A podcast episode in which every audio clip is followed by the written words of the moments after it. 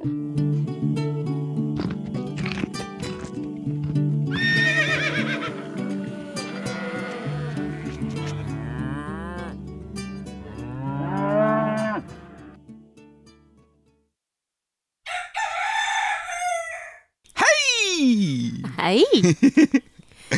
Og velkommen til Gjengevold Plutterkast. Velkommen.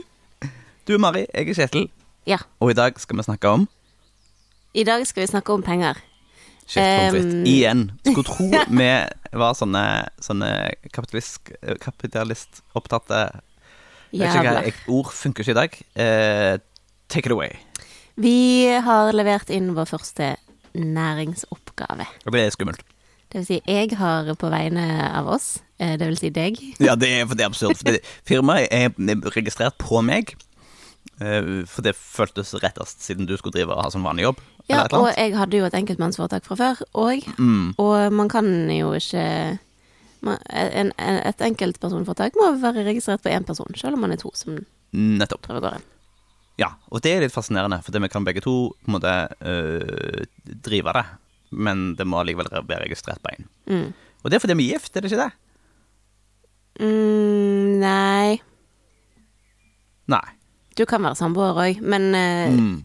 Men eh, mange ting virker definitivt å være litt enklere når man er gift.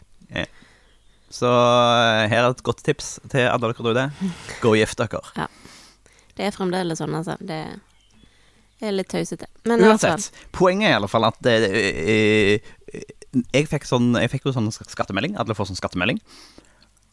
Og så jeg ignorerte vi den litt, grann, fordi du skulle gjøre næringsoppgaven min vår. mm, Ja. Ja. Og um, dette her er, er Det er jo noe som eh, jeg har vært veldig spent på ganske lenge, fordi alle sier at når du driver med sånn landbruk, så er alt så vanskelig og komplisert. Um, og spesielt dette her med regnskapsføringen vår, og det at jeg har brukt eh, regnskapsprogrammet Fiken til å føre landbruksregnskapet vårt, det har jeg vært veldig spent på om um, Om eh, kom til å holde, da. Om det faktisk er et program som vi kan bruke. Og så har jeg sagt at um, um, det vet vi jo egentlig ikke før vi har levert inn næringsoppgaven og vi ser hvordan den ser ut. Og hvis det da er sånn at vi prøver å laste opp tall fra regnskapet, og vi eh, mangler eh, Og vi mangler et eller annet, altså at vi for eksempel har em, ikke spesifisert inntektene og utgiftene våre på helt konkrete poster som kun gjelder for landbruk og ingen andre, så har vi et problem med regnskapssystemet. Så um, både fordi det vår første næringsoppgave, og fordi vi tidligere har snakket om fiken, så tenkte jeg at vi kan ta en episode hvor vi snakker om hvordan det er gått. Ja. Eh, For de som har lyst å høre eh, mer om hvordan vi havna eh, der, så var det en episode i høst en gang Ja. hvor vi snakket om eh, veien eh, Søkenen etter regnskapsløsningen. Ja, og for å rekapitulere det litt. Ja. Er det et ord? Nei, det er feil ord. Ok. Så Så var jo eh, da, da snakket vi jo den gang om at jeg hadde brukt fiken før i andre sammenhenger, og syns det er et veldig, veldig godt program. Og så på alle internettforumene der ute, så hadde folk sagt, når jeg sa at jeg brukte fiken, um, så hadde de sagt at det går ikke an. Det er helt umulig og ubrukelig i landbrukssammenheng. Mm. Og så fikk jeg litt sånn angst, og begynte da å sette meg inn i de andre regnskapssystemene som er da spesialutviklet for landbruket. Um, og de to jeg uh, testet, var uh, da um, Duett og Agro. Og så vet jeg at det er et program til fra Voss som er Excel-basert, som jeg bare kikket kjapt på. mm. Um, og konklusjonen på alle de tre var at uh, dette orker jeg ikke. Nei, du gikk jo i spader det øyeblikket du begynte å kikke på det. Ja.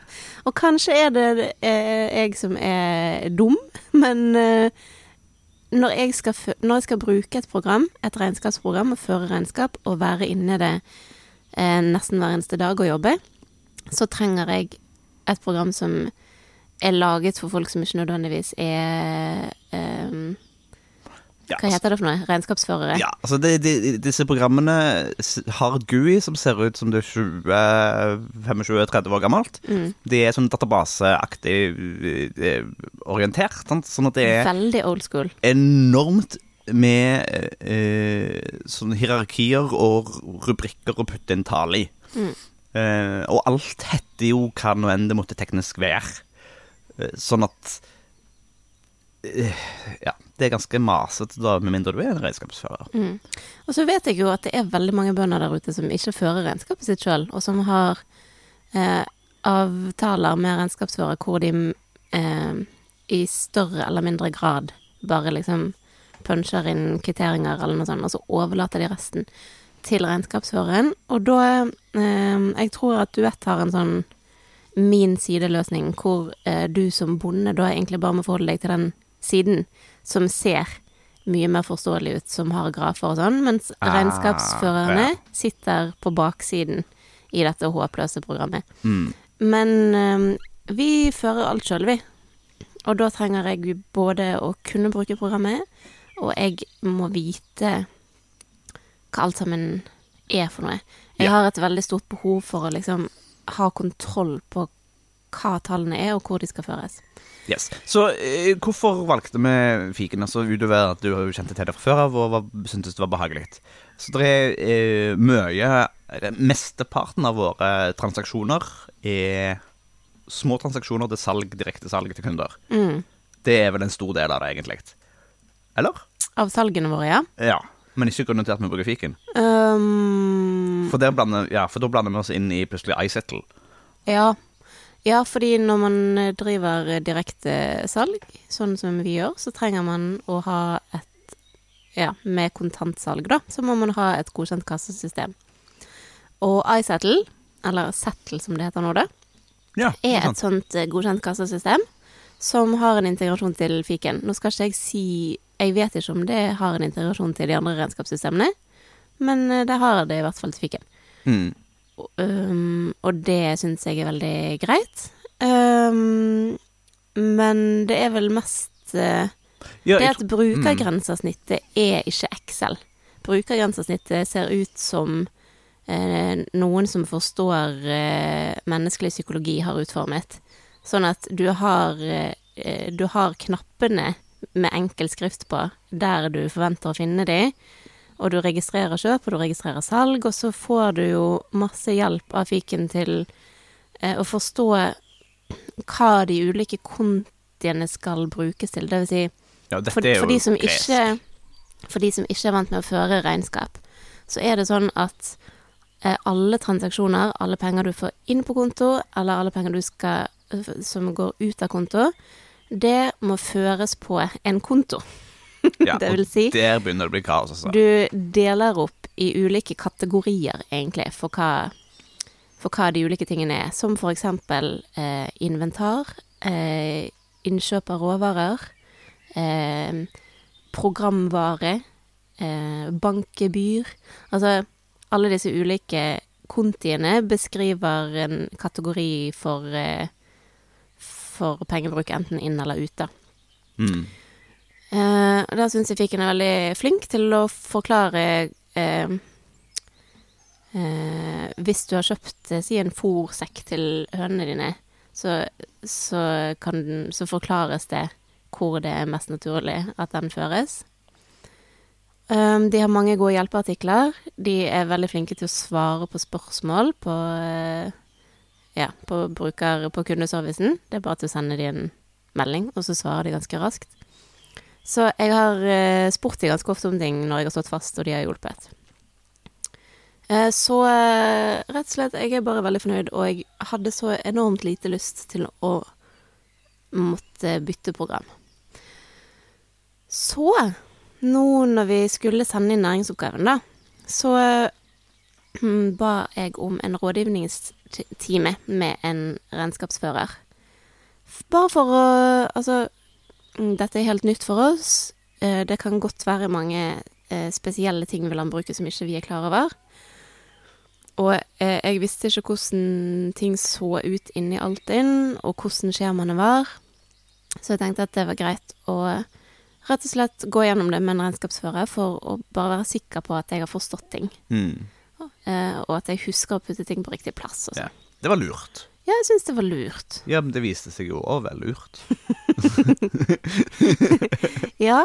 Um, det første de sa da Ja, og da sa jeg òg Da sa jeg òg Jeg bruker fiken. Ja. Eh, og jeg vil ikke Jeg har veldig liten lyst til å bruke noe annet. Um, så det jeg trenger fra dere, er å mm, skjønne eh, Basically skjønne hva det er som er forskjellig fra et vanlig regnskap til et landbruksregnskap, og Mm. hva for noen poster jeg trenger å putte inn i det der skjemaet til næringsoppgaven. Ja. Og da svarte de først øh, Fiken? Det vet vi ikke helt om jeg kan jobbe med. Nei. Nei, så det de egentlig ba oss stå i forkant av den rådgivningstimen Det er så dumt, heter det. Er å eh, sende de balanseoppgaven, da, fra fjorårets regnskap, sånn at de kunne kjøre den gjennom sitt eget regnskapssystem, eh, sånn for å være sikker på at tallene stemte. Eh, jeg vet ikke helt hvordan den rapporten så ut, men det er jo bare Det eksemplifiserer hva jeg ikke har lyst til, da. Jeg har ikke lyst til å være avhengig av et eh, program eh, som gjør at jeg slipper å tenke, for jeg har lyst til å tenke, fordi jeg Mm. stoler ikke blindt på at et program gjør det riktig. Nei, det er klart at du er jo uh, mer konsekvent og regner mer rett enn uh, datamaskinen. Mm, alltid. Nei, men det er jo mitt uh, kontrollbehov, da.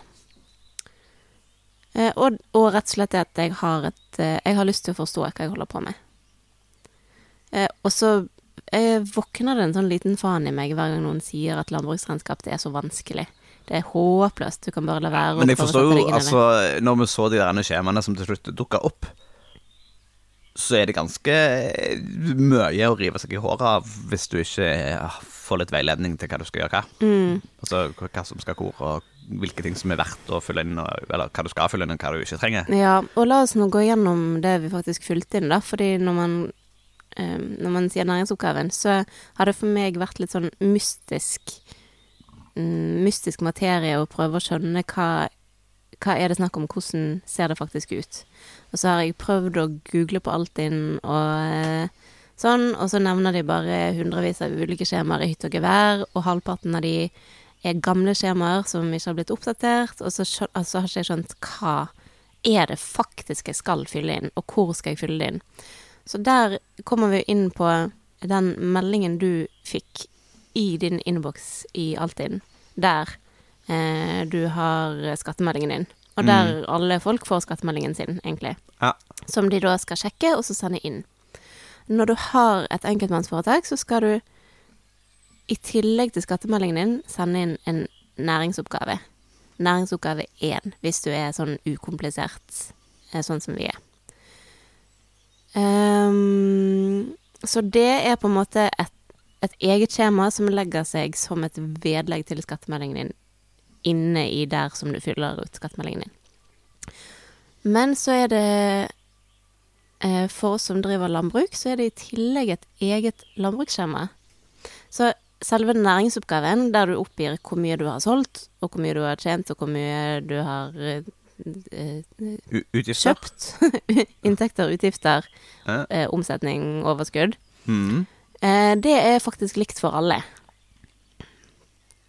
Eh, og der har jo fiken en sånn vanlig integrasjon med at når du gjør ferdig året, slutt eh, Eller eh, stenger ned regnskapsåret, på en måte, Mm. så kan fiken sende de tallene automatisk til eh, Altinn, og så opprettes det som et, et vanlig næringsoppgaveskjema helt av seg sjøl. Ja. Så det er, det er likt. Og der er jo på en måte hovedtallene. Men det som er spesielt med landbruket, er jo at du da må fylle ut dette landbruksskjemaet i tillegg. Og det eh, Da jeg gikk inn på det første gangen, så var det veldig overveldende, fordi det var jeg vet ikke, 20 sider med ulike Tema. temaer. Ja. Eh, det var eh, liksom Det var om eh, kårbolig og kårfolk og eh, eiendommen og leid areal og alle ulike typer dyr du har, og eh, ikke minst sånn ti sider om bare skog. Men da jeg skjønte det, da eh, når, når jeg skjønte at dette, jeg må faktisk ikke fylle ut alt, jeg må bare fylle ut det som er relevant for meg, eller for Mm. oss, så ble det veldig mye enklere. For av de 20 sidene, så var det egentlig bare tre sider vi måtte fylle ut. Mhm. Da begynner det å hjelpe på. Ja, det hjalp veldig på. Så det vi fylte ut, var jo da informasjon om eiendommen. Eh, vi leier ikke noe areal, så det var jo greit.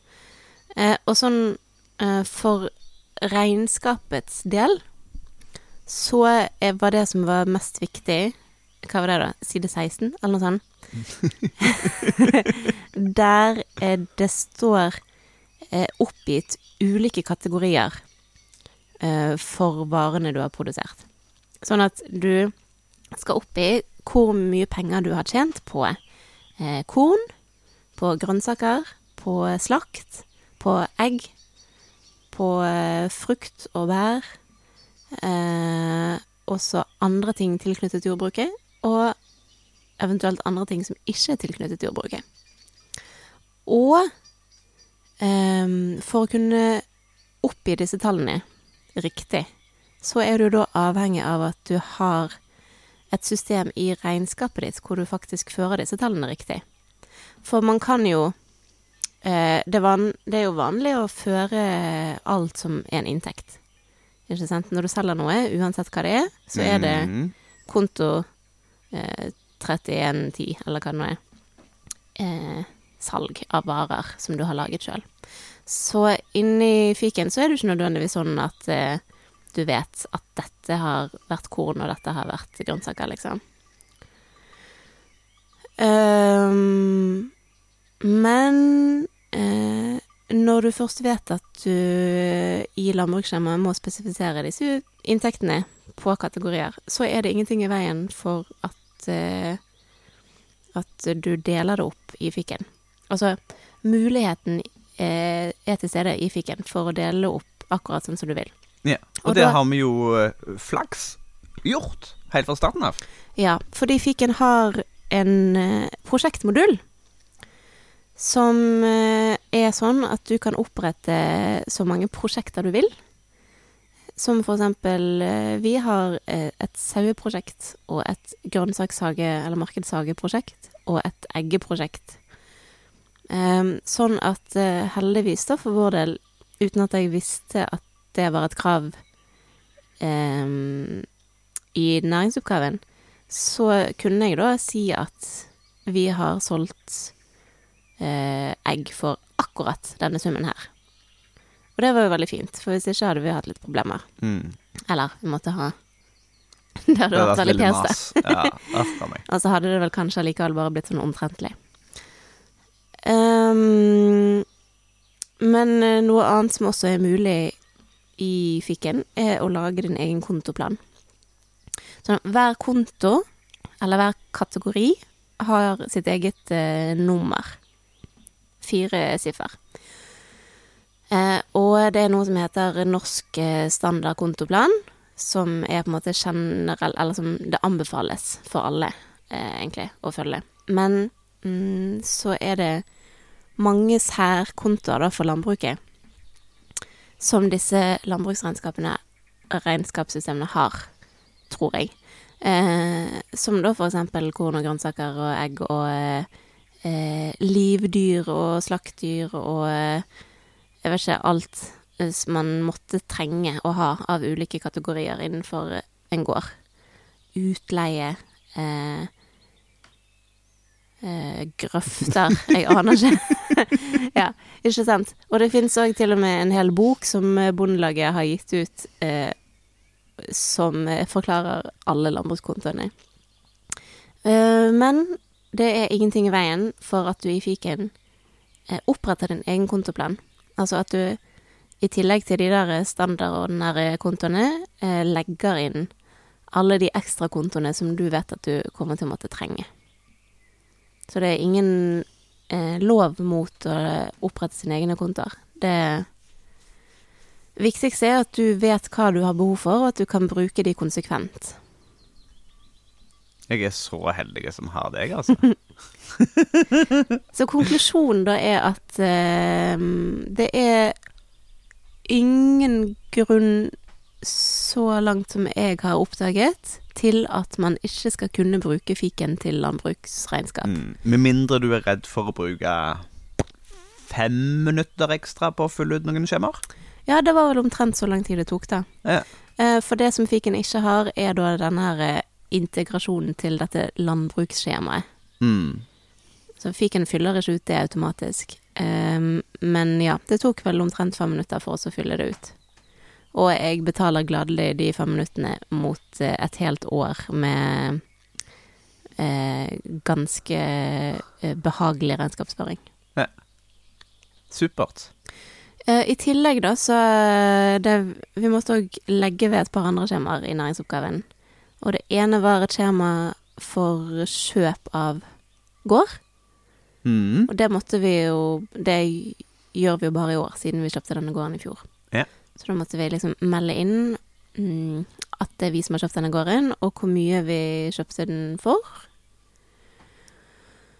Og så var det et uh, inntektsskjema som jeg tror at uh, ikke er spesielt for landbruket. Um, men for folk som driver næring og melder inn at de har fått en inntekt. Nå fikk jo ikke vi noen inntekt i fjor, vi hadde jo negativt mm. resultat. resultat. Så det skjemaet ble liksom opprettet, og så var det ingenting i det fordi vi ikke hadde noen penger. Nettopp. Ja. Men eh, ja, det er jo et par sånne skjemaer som avhengig av eh, hva du driver med, og hva du har holdt på med i løpet av året, er aktuelt å slenge ved, i tillegg til den næringsoppgaven. da. Mm. Men det brukes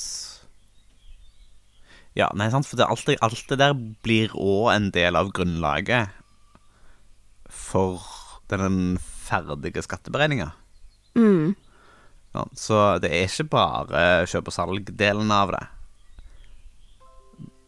Eller eh, liksom eiendomsskattdelen av det. Altså Men Nei, det, det slår seg jo liksom sammen med din personlige skattemelding, da. Ja. For å, for å Men disse landbruksskjemaet, det- de tingene vi oppfører, fører opp der, Mm. de blir beregna som formue på et eller annet vis, da? Eller sant, de dyrene vi har blir det, Ja, dyrene vi har, eller de dyrene man har ved årsslutt, er jo på en måte en, en eiendel. mm, Og det stemmer, vi måtte òg legge ved et sånn avskrivningsskjema for eiendelene våre. Uh, men ja, um, dyrene vi har, og eh, ATV-en vi har, og andre sånne store investeringer som regnes som eiendeler, de må jo da oppgis i næringsoppgaven. Um, og så avskrives de jo litt år for år, sånn at um, Ja, hvor mye skal jeg si om dette, da? Hvis, når du gjør Når du gjør eh, små innkjøp, eh, når du kjøper varer eller fôr for noen tusenlapper eller hundrelapper eller noe sånt, så regnes det direkte som en utgift i regnskapet. Så det er minus, mens inntekter er pluss. mm, Men når du gjør investeringer som er større, det vil si eh, for eksempel en ATV da, som er på over 15 000 kroner, og som er ment til å vare i mer enn tre år, så blir det ikke en utgift, men en eiendel. Og det vil si at det synliggjøres ikke i regnskapet sånn med det samme, men det regnes heller som eh, ja, som en av dine eiendeler som inngår i din formue, da. Men eh, disse tingene som du har kjøpt, de har jo ikke en uendelig levetid, de taper verdi.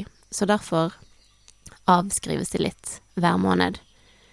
Um, si for eksempel hvis du kjøper da en ATV til 150 000, eh, og så regner du med at den skal leve, vet ikke, lever i fem år, så eh, er det da en prosentsats som den avskrives med hvert år, fram til det er nesten ingenting igjen, og da, da avskrives den siste slumpen òg. Så det er sånn det regnskapsmessig fungerer. er, det så, er det sånn det må virke? At det, det, det prosentvis går nedover til det er en liten slump igjen?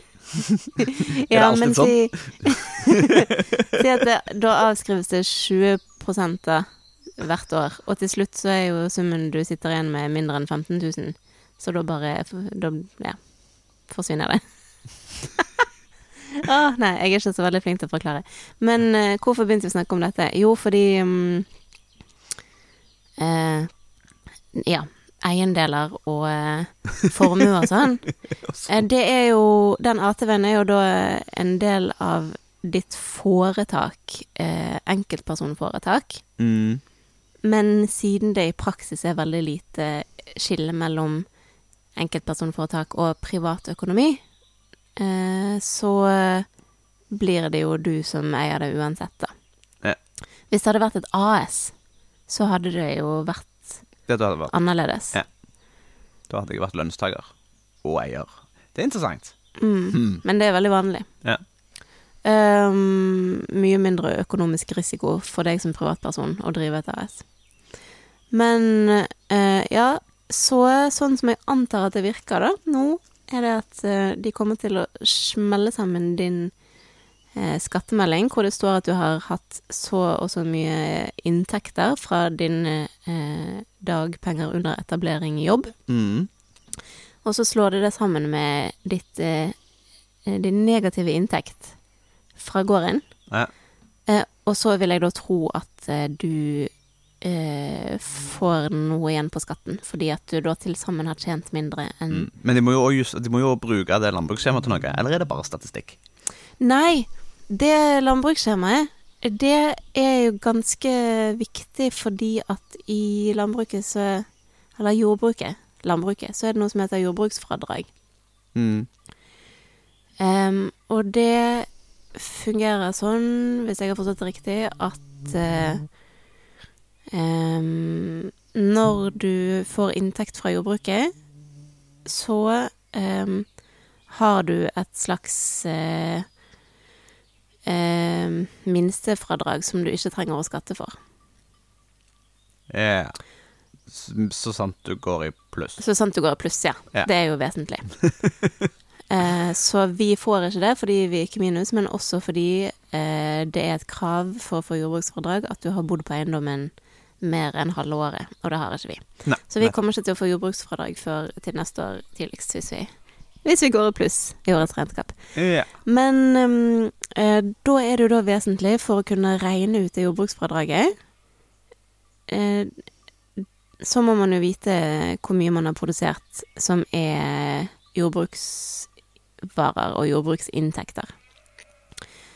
Eh, så derfor er det ganske viktig å skille mellom de ulike, fordi hvis du har dyr, og du sender det til slakt, og du selger det, så er det en jordbruksinntekt. Og hvis du dyrker grønnsaker og selger det, så er det en jordbruksinntekt. Men hvis du for eksempel eh, kjøper inn råvarer og baker masse boller og selger det, så er ikke det en, nødvendigvis en jordbruksinntekt, sjøl om du gjør det på gården din. Mm. Så da, for disse skattemyndighetene, så er det veldig viktig å vite hva som er ekte jordbruksinntekt, og hva som ikke er det. Ja, Det gir mening. Men det er nok sikkert også statistikk. Mm. Ok, Eh. så hvis, det, hvis jeg, jeg aner ikke om dere hører det, men altså, vi sitter på terrassen, og det er litt action blant sauene. Ikke Eh. våre sauer, da. Nei, for det, det er da altså Vi blir invadert av naboens sauer fra alle kanter. Naboen sin eh, sauer, noen av de, syns ikke at gresset er godt nok på sin side av gjerdet. Så de har eh, funnet en vei rundt et sted hvor det ikke er eh, gjerde lenger, eh, og går, står opp, går opp på bø- bønn. Men så har da altså disse mødrene gått fra det ene lammet sitt. Og det lammet ser jeg Er det er det? det? Eller er det Nei, det er etter våre. Det er etter våre, tror jeg. Jeg vet ikke helt. Da må vi telle. Jo Jeg da. tror det Ja, ja, ja. Det er Dette er veldig morsomt å høre på. Ja, ja, ja. ja. Det er sakte TV. Ja, han- altså, nå går lammet litt til venstre, ja, og så går du bort, og så hilser på det andre lammet, og sier bæ. Ehm, Jeg tror ikke at det er vårt, nei det som sprang inn. Til våre Nei, for det ser ut som begge kine sine står der nede. Altså, det Ja, for saken er jo at eh, nå har det stått et lam utenfor vårt gjerde og breket i et par timer eh, på eh, moren sin, som er langt oppe på eh, vøen. Ja, for vår. hun syntes det var en god idé. Og dette skjedde jo tidligere i dag òg, eh, og da fikk jeg naboen til å komme og hente lammet med sauene sine. Men eh, jeg vet ikke om det er det samme lammet nå, eller om det er et annet. Men de er jo tydeligvis ikke så veldig flinke, disse. På- hvis det er naboene sitt lam, så blir det nå altså boinka på av et av værlammene våre. Ja. Stakkar. Ja. Um, ja, så Det får sånn vi forholde oss til er- etterpå. Mm. Um, lønnsomhet, mente du vi skulle snakke om? Skal vi snakke om Gunn, da? Hva, hva? Ja, vi må jo snakke litt om Gunda. Og, for vi fikk jo Vi fikk jo en uh, smell, kan man si. Og så har jeg Jeg tenker jo mye på penger, spesielt nå for tiden. Mm. Um, og jeg har Og det jeg tenker på stadig vekk, er om om det egentlig er mulig å leve av et småbruk. Ja, men det skal vi jo. Ja, det er jo planen. Det er jo Gamblen liksom vår. Jeg fikk en um, Hva skal man si En slags oppvekker, eller en eh, realitetsorientering. Eh, ja, i forbindelse med bondeopprøret, selvfølgelig, men også um, Bare ved å begynne å tenke på alle de um, De ehm, inntektene man helst skulle hatt for å sørge for et bærekraftig økonomisk eh, liv, rett og Mm. slett. Um, og jeg tenker litt på det uh, i forbindelse med at folk liksom Ja, det er mange som på en måte sier at det er ikke så viktig å ha en eh, fet lønn så lenge man jobber med noe man liker. Og det er jeg jo for så vidt Det er jeg jo enig i. En fet lønn er jo man, man klarer seg jo fint uten en fet lønn. Men man klarer seg ikke fint uten en, en grunnleggende lønn. Mm. Um, og når man begynner å, å faktisk se på tallene og regne, så trenger man ganske mye mer penger enn det man tror. Ja. For å sku... Altså, hva er en levelønn, liksom? Hva For oss som er bønder, hva er minimumet av inntekt vi trenger for å kunne ha det godt? Ikke bare nå, men på sikt. Um, det, først og fremst så handler det om å ha penger til å betale regningene. Mm. Eh, å kunne kjøpe mat og betale for strøm. Eh, kanskje jeg vet ikke, gå på restaurant av og til. Kanskje ta en ferie. Ha råd til sånne typiske utgifter som normale mennesker har råd til. Men så må vi også tenke på at uh, som næringsdrivende så må vi sjøl betale for forsikring av alt. Uh, forsikring av gården og dyrene og alt som kan gå galt, og ikke minst forsikring på oss sjøl. Mm. Eh, noe vi fremdeles ikke har, Nei. og som vi nå, per nå ikke har råd til. Um, og ikke minst så må vi ha en inntekt som er god nok til at vi kan legge av penger til eh, pensjonsalderen. Mm. Og vite at når vi er for gamle og for slitne til å drive her, så, så har vi noe å leve av.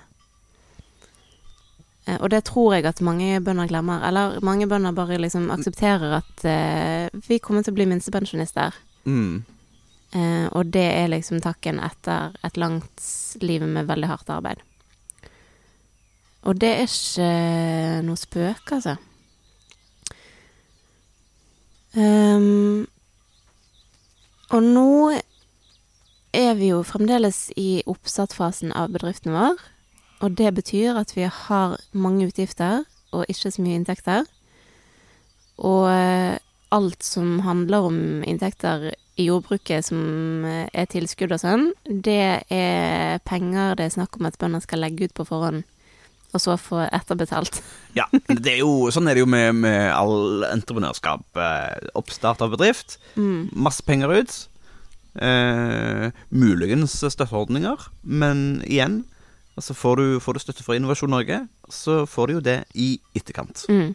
Når du rapporterer at du har gjort det du har tenkt å gjøre, Ja. så får du penger. Så du kan få kjempehøy støtte, potensielt avhengig av hva prosjekt du har.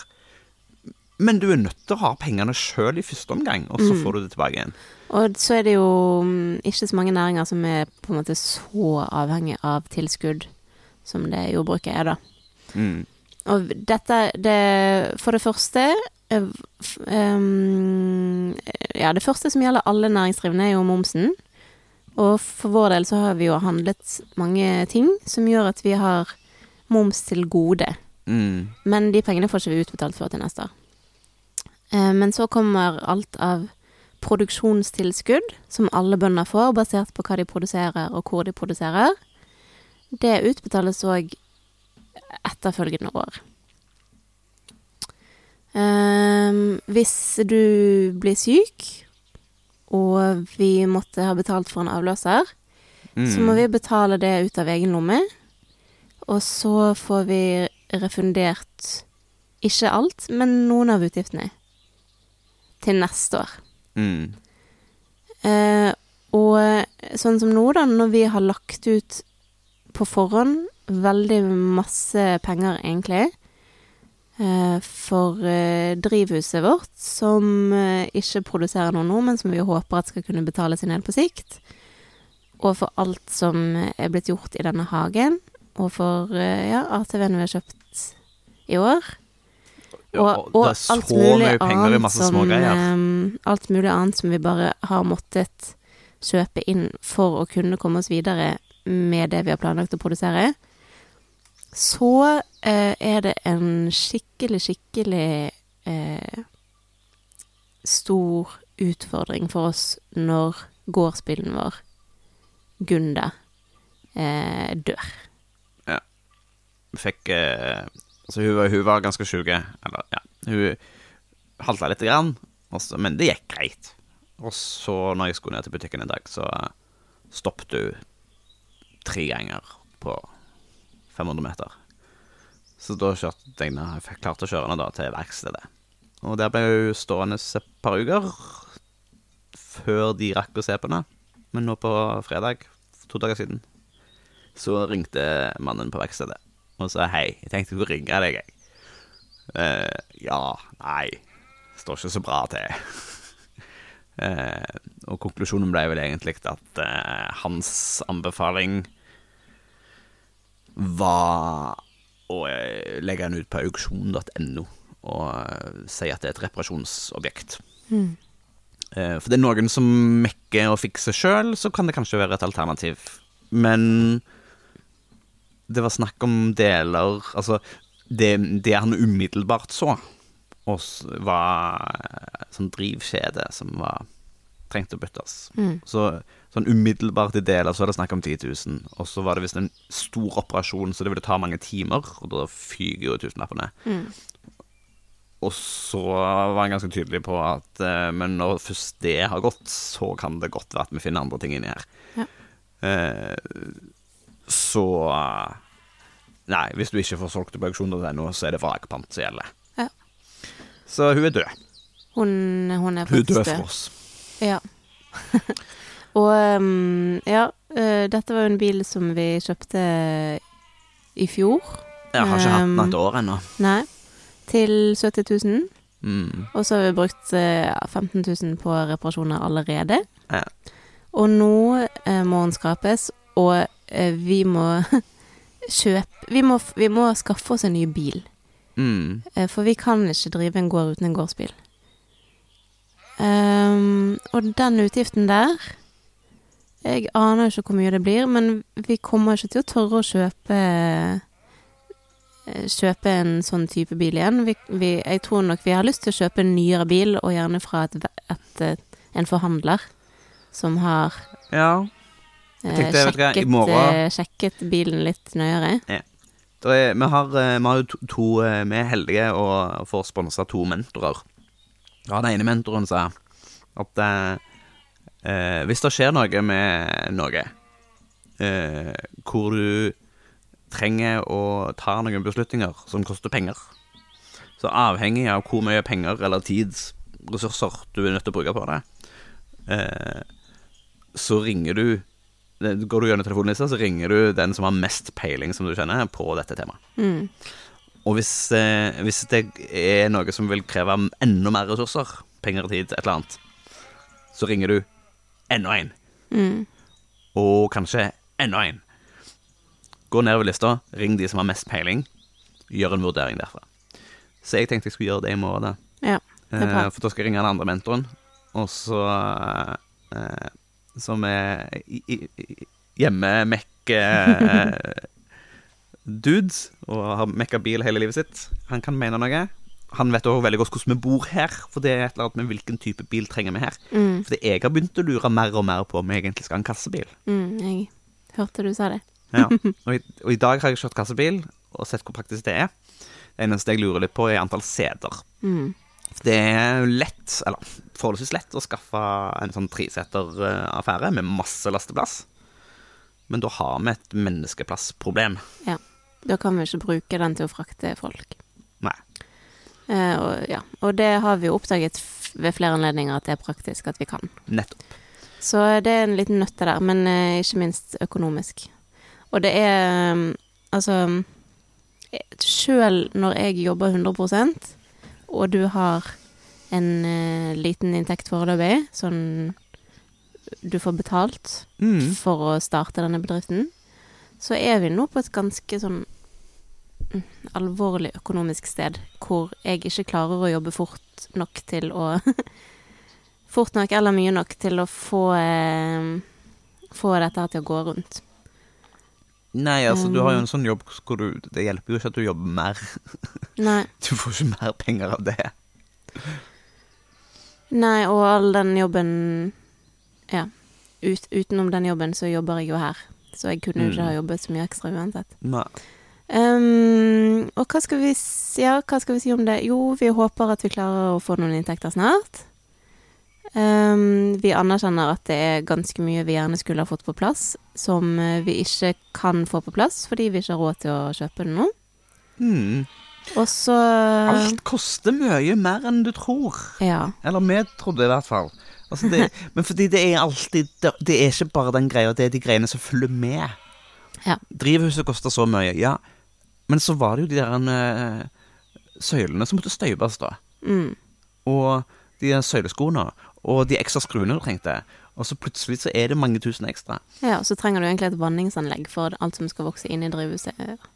Ja, men det har vi ikke råd til, så vi får bruke de timene det tar når det, med å Mm. gå med vannekanna. Eh, oi, oi, oi, oi. Nå er springer og lammene rundt omkring. og spretter. Tenåringsgjengen. Geiter. De tror at de er antiloper. Det er veldig koselig. Um, og ehm, ja, vi visste jo på forhånd at det å starte en bedrift er, er, er tungt i starten. Masse arbeid og ingen inntekter. Så det er jo for så vidt ingen overraskelse. Men um, jeg tenker jo spesielt på alle de som vil drive med jordbruk, da, og som vil inn i jordbruket. Og hvor høy den inngangsbilletten faktisk er. Fordi Ja. det stiller krav til at du skal ha så veldig mange penger på bok. Mm. Først så må du kjøpe gården, som antageligvis eh, er ganske dyr. Men så må du i tillegg ha mange hundre tusen som du har spart opp for å gjøre de nødvendige investeringene til den driften du har lyst til, antageligvis. Ja. Og hvis du ikke er en sånn som oss, som baserer oss på direktesalg til kunder av måte, sånn umiddelbare produkter, Mm. og faktisk da må vente til det er tid for å høste, så må du lønne deg sjøl i masse måneder, eller jobbe ved siden av, og dermed ha 300% stilling totalt. Mm. Så jeg blir jo litt fortvilet over å tenke på at, at hvor eh, mye vanskeligere dette gjør Eller, ja eh, Hvor mange som opplever det som umulig å begynne Mm. med jordbruk nettopp på grunn av det her. Og også den der forventningen samfunnet har om at det er sånn det skal være. At bønder, både nye bønder og etablerte bønder, egentlig må ha såpass mye likviditet at de eh, de sponser av egen pensjon og egne oppsparte midler eh, og egen gjeld for å få det til å gå rundt. Det er på en måte vår, eh, vår egen spleisedugnad som, som gjør at vi har en matproduksjon. Vi bruker jo opp mennesker. Og så når det har gått eh, 10 år eller 15 år eller 20 år, og bønder legger ned, og det kommer noen nye inn, så er det liksom Ja, så er det samme der. Vi kan leve en stund på lånt tid ved at nye bønder er engasjerte og villige til å investere av egne penger inntil en grense hvor det ikke går lenger. Hmm. Nå hørtes jeg veldig øh, Uff, dette hørtes så kjempetrist ut. Ja, men altså Jeg er Ja, for nå kommer du med en samfunnskritikk Ja. eh, som er på sin plass, men som ikke nødvendigvis henger helt sammen med, med oss. Nei, det henger ikke helt sammen med vår situasjon. Så eh, vi har med viten og vilje sånn sett gått inn her med sparepengene Mm. eh, for å skape det livet vi har lyst på. Og nå er, fikk vi en smell med Gunda som døde. Eh, den kom samtidig som vi ser pengene springe ut, og vi, vi har latt være å dra på Reko nå fordi vi skal bruke tid på å få ting på plass i jorda. Reko er litt treigt uansett. Vi trenger å få ting i jorda for Mm. oss å få nye varer. Eh, så vi, vi kjenner på at vi jobber veldig lange dager. Eh, vi kjenner på at pengene renner ut, og så kommer den smellen i tillegg. Ja. Vi er litt desillusjonerte, men det kommer til å ordne seg. Jeg tror det kommer til å ordne seg. Mm, men det er en frustrerende jo- situasjon akkurat nå. Ja. Og så Mm. vet jeg ikke helt hvordan vi skal ha råd til den bilen. Og det som, det som er et spesielt hardt slag for meg, da, er jo at eh, jeg, jeg hater å ha gjeld. Og jeg ønsker å betale ned den gjelden vi har, så mye som mulig.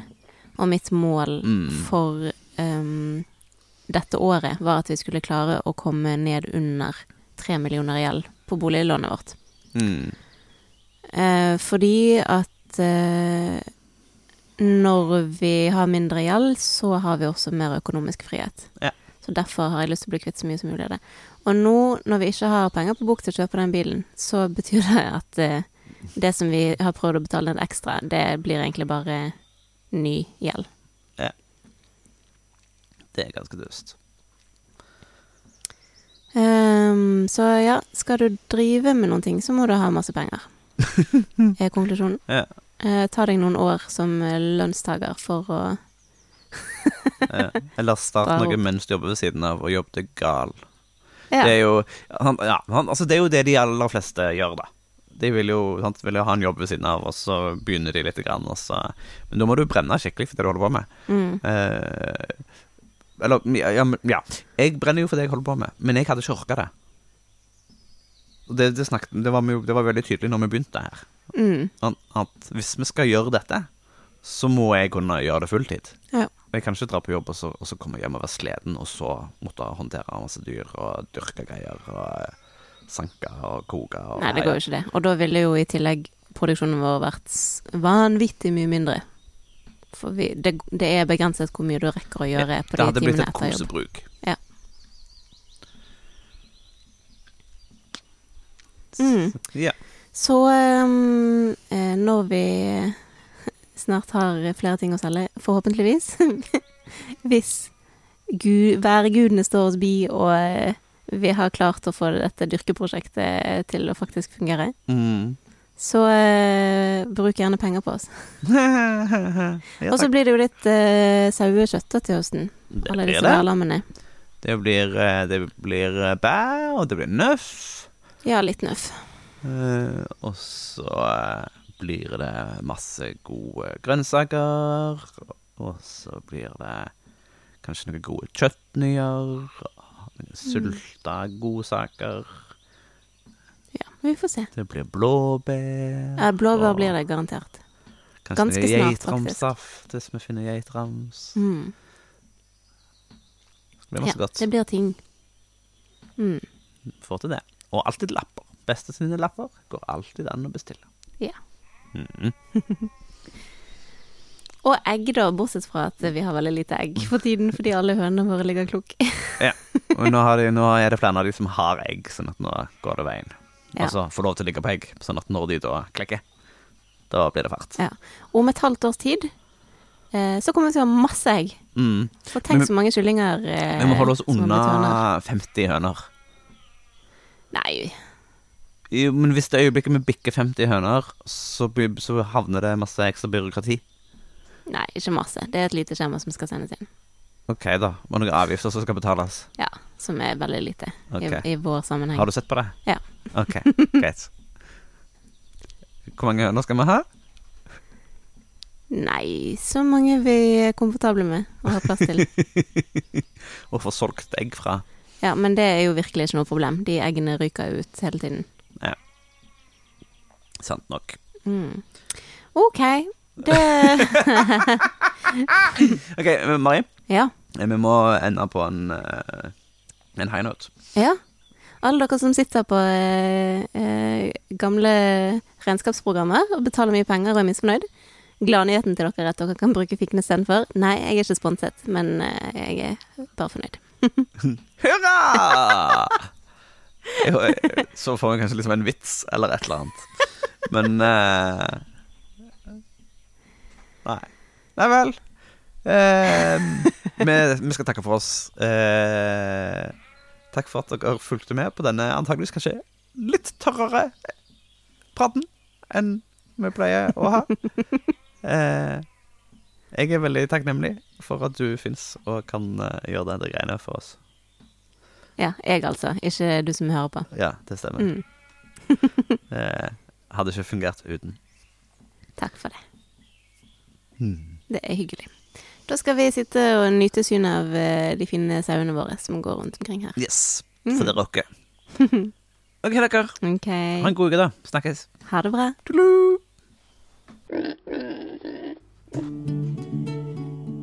Tusen takk for at du har hørt på Gjengevold pludrekast. Hvis du har en tilbakemelding på podkasten, så blir vi kjempeglad for å høre fra deg. Er det noe du syns vi skal snakke mer om, eller noe vi bør snakke mindre om, så kan du sende oss en melding på e-post på hallo.krøllalfa.gjengevold.no. Du kan også komme i kontakt med oss på Facebook på Gjengevold mangesysleri, på Instagram ett mangesysleriet, og på nettsidene våre gjengevold.no. Vi setter utrolig stor pris på å høre fra deg, og vi blir ekstra glad hvis du har lyst til å dele denne podkasten med en venn.